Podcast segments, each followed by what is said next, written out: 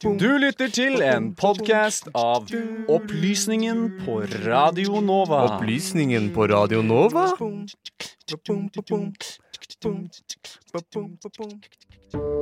Men det som også er rystende, er på en måte at hvor mye av det som i 2011-2012 opplevdes som helt vanvittig, det har liksom gått inn i et slags sånn politisk hverdagsspråk nå. Veldig mange av de holdningene.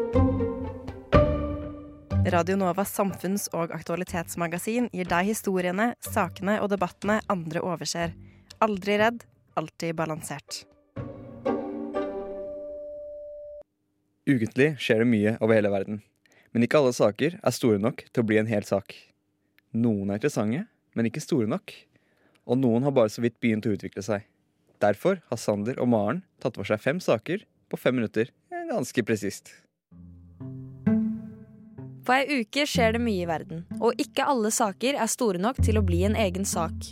Derfor tar vi for oss fem kjappe saker fra uka som har gått. Slik verden så ut onsdag 19. februar. Vi begynner i Nigeria. Er koronaviruset forårsaket av korrupsjon? Det virker kanskje som et rart spørsmål, men Ibrahim Mangu, lederen for Nigerias antikorrupsjonsorgan, mener dette kan være mulig. I en tale onsdag morgen norsk tid hevdet lederen for det nigerianske EFCC, Economic and Financial Crimes Commission, at korrupsjonen er et av de største problemene verden har i dag. Og foran et publikum bestående av landets president uttalte Magu I strongly believe, Your Excellency, that even coronavirus is caused by corruption. Fighting corruption is like a crusade against the evils of our society. EFCC har i ettertid hevdet at mediedekningen av dette utsagnet er falsk, til tross for at man har opptak av at han sier akkurat dette. Spørsmålet her er hvorvidt Magu, som allerede har blitt sparket ved tidligere anledninger, får beholde jobben sin. Vi holder oss i Afrika litt til, men reiser lenger nord til Libya. Landets FN-støttende regjering har trukket seg fra fredsforhandlingene etter et rakettangrep mot landets hovedstad Tripoli. Angrepet skal ha vært rettet mot tyrkiske militære fartøyer som er på plass i hovedstaden etter at president Erdogan i januar sendte styrker til landet for å støtte regjeringen. Landet har over lengre tid vært splittet etter borgerkrigen som startet i 2011, og avsetningen av landets tidligere president Muammar al-Gaddafi, som ble drept i oktober samme år. Den siste tiden har makten vært splittet mellom den FN-støttede regjeringen, den militante bevegelsen LNA, Libyan National Army og andre militære bevegelser. Trolig er det LNA, ledet av general Khalifa Haftar, som står bak angrepet. General Haftar var en del av kuppet som i 1969 hjalp Gaddafi til makten, men hjalp i ettertid til med å kaste den tidligere presidenten. Urolighetene fortsetter i landet, som nå går inn i det sjette året med borgerkrigen omtalt som den andre libyske borgerkrig. Fra Libya reiser vi enda lenger nordøst til Tyrkia. Landets president Erdogan har truet syriske regjeringsstyrker og uttalt at det kun er snakk om tid før de setter i gang et angrep mot regjeringsstyrkene dersom de ikke avslutter sine offensiver mot det opposisjonskontrollerte området Idlib. Tidligere denne måneden ble flere tyrkiske militære personell drept i et artilleriangrep de hevder kom fra syriske regjeringsstyrker. Som en respons til dette ba Erdogan regjeringsstyrkene om å trekke seg tilbake og avslutte offensiven mot Idlib.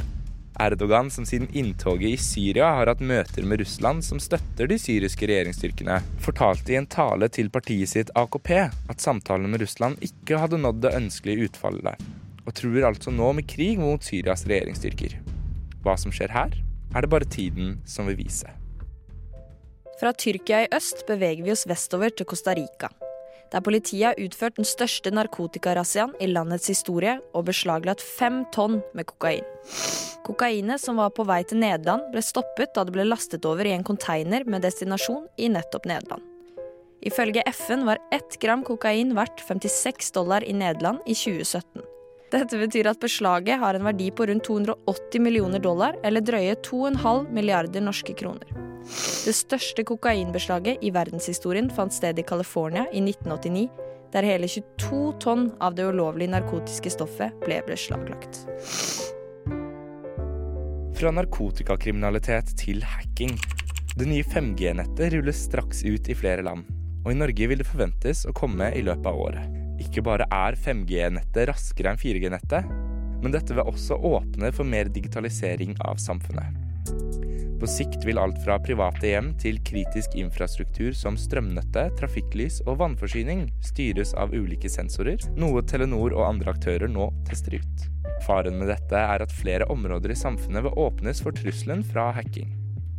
Koblingen av stadig flere ting til nettet kan ifølge Politiets sikkerhetstjeneste sammenlignes med å sette opp flere dører og vinduer i et hus, som en person eller stat med dårlige hensikter kan bryte seg inn gjennom, enten det er systemet som styrer duppeditten i huset ditt, et stort selskap eller en statlig myndighet. Så er det lurt å koble døra, TV-en, kjøleskapet og trafikklysene på nettet. Nei, mener PST. Ja, mener de som ønsker tilgang til livet ditt.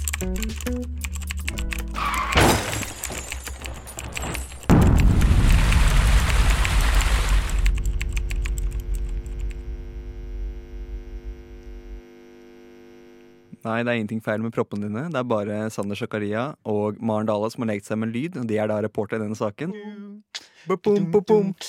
Du har nå hørt en podkast fra Opplysningen 99,3. Finn denne og tidligere episoder på Spotify, iTunes eller der du måtte finne dine podcaster ellers.